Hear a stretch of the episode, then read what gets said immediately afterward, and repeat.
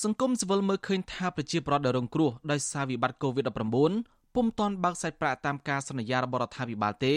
ស្របពេលដែលប្រពមួយចំនួនទៀតក៏មិនអាចចុះឈ្មោះស្នើសុំការបើកសាច់ប្រាក់ដោយសារតែអាជ្ញាធរមូលដ្ឋានហាក់ប្រងើកន្តើយថែមទៀត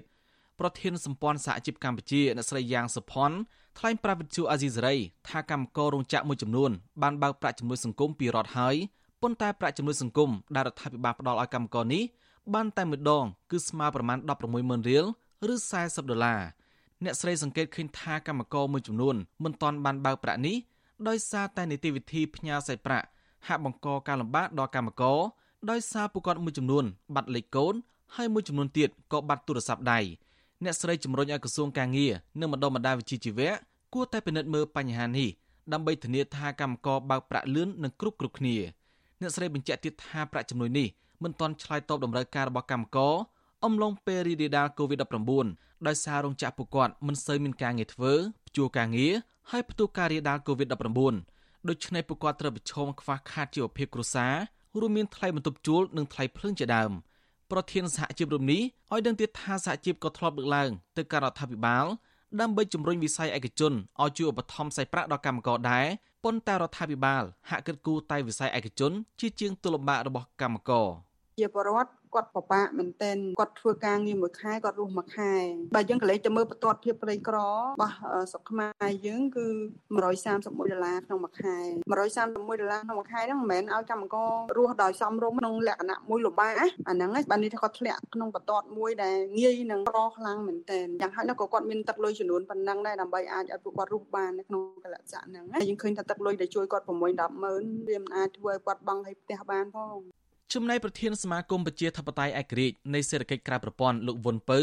ប្រាប់ថាសមាជិកសមាគមរបស់លោកដែលប៉ះពាល់ដោយសារការបិទគប់ការធ្វើចតាលិស័កហើយនឹងការឆ្លង COVID-19 ដែលមានជីវភាពខ្វះខាតពុំទាន់បានទទួលសេប្រាក់ឧបត្ថម្ភពីរដ្ឋាភិបាលនៅឡើយទេលោកសង្កេតឃើញថាកម្មវិធីបើកសេប្រាក់នេះពុំទាន់ធានានូវប្រសិទ្ធភាពពេញលេញដោយសារកម្មវិធីផ្សព្វផ្សាយនេះមិនទូលំទូលាយហើយអាជ្ញាធរមូលដ្ឋានវិញ ហាក់ប្រងើកន្តើយនឹងសំណើរបស់បរិវត្តដែលកំពុងរងផលប៉ះពាល់ផ្នែកជីវភាពអំឡុងពេលផ្ទុះរាលដាល COVID-19 លោកយល់ថារដ្ឋគួរតែបង្កើនការផ្សព្វផ្សាយបន្ថែមទៀតតាមរយៈបណ្ដាញសង្គមហើយអាជ្ញាធរមូលដ្ឋានជាពិសេសរដ្ឋត្រូវពិនិត្យមើលឡើងវិញអំពីយន្តការចុះឈ្មោះស្នើសុំសេចប្រាក់ជំនួយដោយសហការជាមួយនឹងអង្គការសមាគមដើម្បីបង្កភាពងាយស្រួលនិងបង្កើនប្រសិទ្ធភាព។ ខាងសមាគមយើងធ្វើការគាំពៀក៏ដូចជាការជំរុញឲ្យមានការគោរពសិទ្ធិអ្នកធ្វើការក្រៅព័ន្ធជំរុញឲ្យមានលក្ខខណ្ឌរស់នៅសង្គមយើងពិបាកដែរក្នុងស្ថានភាព COVID-19 បែរជារងអត់ឲ្យធ្វើបានមូលនិធិសមត្ថៈបន្តសុពលភាពហើយអត់ឲ្យធ្វើបាននេះបន្តទៀតដើម្បីឲ្យពលរដ្ឋមានឱកាសទៅព្យាបាលជំងឺដែលអត់បងប្រាក់ហើយស្ត្រេសឆ្លងទលេអាចទួលការទេស្រាក់ពីរដ្ឋហើយបែរជាស្ថានភាព COVID ជាដាច់អាបាននឹងវិញវាជារឿងមួយដែលរឹតតែពិបាក រដ្ឋាភិបាលបានប្រកាសកម្មវិធីផ្ដល់សេប្រាក់ដែលចាប់អនុវត្តពីថ្ងៃទី9មិថុនាសម្រាប់អ្នកដែលបានបំពេញលក្ខខណ្ឌគ្រប់គ្រាន់ពលរដ្ឋដែលរងផលប៉ះពាល់ពីវិធានការបិទគប់អ្នកឆ្លង COVID-19 គ្រួសារពលរដ្ឋដែលស្លាប់ដោយសារ COVID-19 នៅក្នុងព្រឹត្តិការណ៍20កុម្ភៈដោយពួកគាត់អាចទៅបើកប្រាក់ទាំងនេះនៅតាមបញ្ជោវិញដែលនៅជិតផ្ទះឬក៏ប្រើប្រាស់កម្មវិធីទូរស័ព្ទរបស់ធនាគារនេះជាមួយគ្នានេះការកំណត់អត្តសញ្ញាណដែលតម្រូវឲ្យបរដ្ឋទៅស្នើអាជ្ញាធរមូលដ្ឋាន ក៏ត្រូវបើបញ្ចប់កាលពីថ្ងៃទី16ខែមិថុនាដែលធ្វើប្ររងគ្រោះមួយចំនួនអស់ឱកាសស្នើសុំជំនួយពីរដ្ឋាភិបាលវិទ្យុអាស៊ីសេរីមិនទាន់អាចតតងแนะនាំពាក្យក្រសួងផែនការលោកនប់កនវុនហើយនឹងអ្នកនាំពាក្យក្រសួងសង្គមគិច្ចអតីតយុទ្ធជននិងយុវនីតិសម្បទាលោកតូចចាន់នីដើម្បីសុំការបកស្រាយអំពីបញ្ហានេះបានទេនៅថ្ងៃទី25ខែមិថុនាបើទោះបីជាយ៉ាងណាអ្នករត់រមាក់កង់3នៅក្រុងភ្នំពេញលោកខុតសវណ្ណ បានប្រាប់វិទ្យុអាស៊ីសេរីនៅថ្ងៃទី25ខែមិថុនាថាប្រពន្ធរបស់លោកបានឆ្លង COVID-19 ចំណែកលោកកំពុងធ្វើចតាលិស័កជាច្រើនថ្ងៃមកហើយដែលមិនទាន់ឃើញអាជ្ញាធរស្វាស្វែងយកជំនួយស្បៀងអាហារនិងថវិកាឧបត្ថម្ភដល់គ្រួសារលោកដែលកំពុងរងគ្រោះដោយសារ COVID-19 ស្របពេលដែលជីវភាពគ្រួសារលោកកំពុងតែយ៉ាប់យ៉ឺនបុរសវ័យ30ឆ្នាំរូបនេះប្រាប់ថាលោកគ្មានសង្ឃឹមលើកម្មវិធីបើកសាច់ប្រាក់ ហើយនឹងប្រាក់ជំនួយស្បៀងអាហាររបស់រដ្ឋាភិបាលសម្រាប់ជួយប្រជាពលរដ្ឋដែលកំពុងរងគ្រោះនោះទេ និយាយតាំងពីព្រឹត្តិការណ៍20កុម្ភៈបន្ទល់ឡើងពេលនេះគឺអត់បាននិយាយចង់និយាយថាសូម្បីតែ100លុយខ្មែរពីរដ្ឋាភិបាលគឺអត់មានទេបើតាមការសន្និដ្ឋានរបស់ខ្ញុំគឺជំនួយសង្គមក៏ដូចជាការឧបត្ថម្ភអីផ្សេងផ្សេងខ្ញុំគិតថានៅមានគេហៅថាបពុនិយមក៏ដូចជានៅការមានមានការរើអើមសម្រាប់អ្នកក្រពិតបែរជាអ្នកមានធនធានក៏បានគាំពៀសង្គមឬក៏ជំនួយសង្គមផ្សេងផ្សេងពីរដ្ឋាភិបាលបែរជាអ្នកអត់ពិតប្រកបអត់ទៅវិញ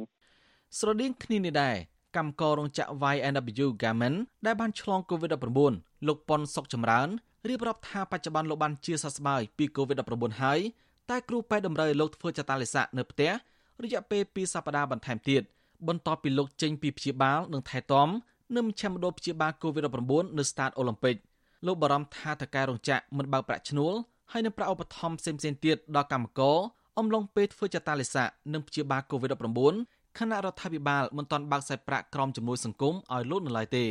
មិនដឹងវាយ៉ាងម៉េចបើមានព័ត៌មានណាជាក់លាក់ថាលុយក្នុងរយៈពេលថាឆ្លងជំងឺកូវីដរយៈពេលប្រហែលថ្ងៃអញ្ចឹងហើយមិនដឹងថាលុយរដ្ឋាភិបាលនឹងជួយជំនួយមកក៏ខ្ញុំមិនដឹងដែរព្រោះមានថាអត់មានអ្នកនិយាយថាថាមានព័ត៌មានណាមួយនឹងមានអ្នកផ្សព្វផ្សាយព័ត៌មានណាមួយដូចជាភូមិឃុំឬក៏អីគេមកប្រាប់អីចឹងណាបើសិនជាមានភូមិឃុំមកប្រាប់យើងអាចកក់ក្ដៅយើងជឿ100%តែនេះលឺតាមគេនិយាយមាត់មួយទៅមាត់មួយមាត់មួយទៅមាត់មួយយើងអត់ច្បាស់ដែរយើង មន្ត្រីអង្គការសង្គមស៊ីវិលទទូចរដ្ឋាភិបាលបង្កើនកញ្ចប់ថវិកាហើយនឹងការផ្សព្វផ្សាយជូនដល់ប្រជាពលរដ្ឋឲ្យបានទូលំទូលាយបន្ថែមទៀតជាពិសេសពិនិត្យមើលយន្តការចុះឈ្មោះស្នើបើកសាច់ប្រាក់ពីរដ្ឋដើម្បីធានាប្រសិទ្ធភាពថាប្រជាពលរដ្ឋរងគ្រោះពិតប្រាកដអាចទទួលបានជំនួយសង្គមពីរដ្ឋាភិបាលគណៈពួកគាត់កំពុងរងគ្រោះខ្លាំងដោយសារវិបត្តិ COVID-19 ខ្ញុំសនចាររថាវិទ្យុអាស៊ីសេរីរាយការណ៍ពីរដ្ឋធានីវ៉ាស៊ីនតោន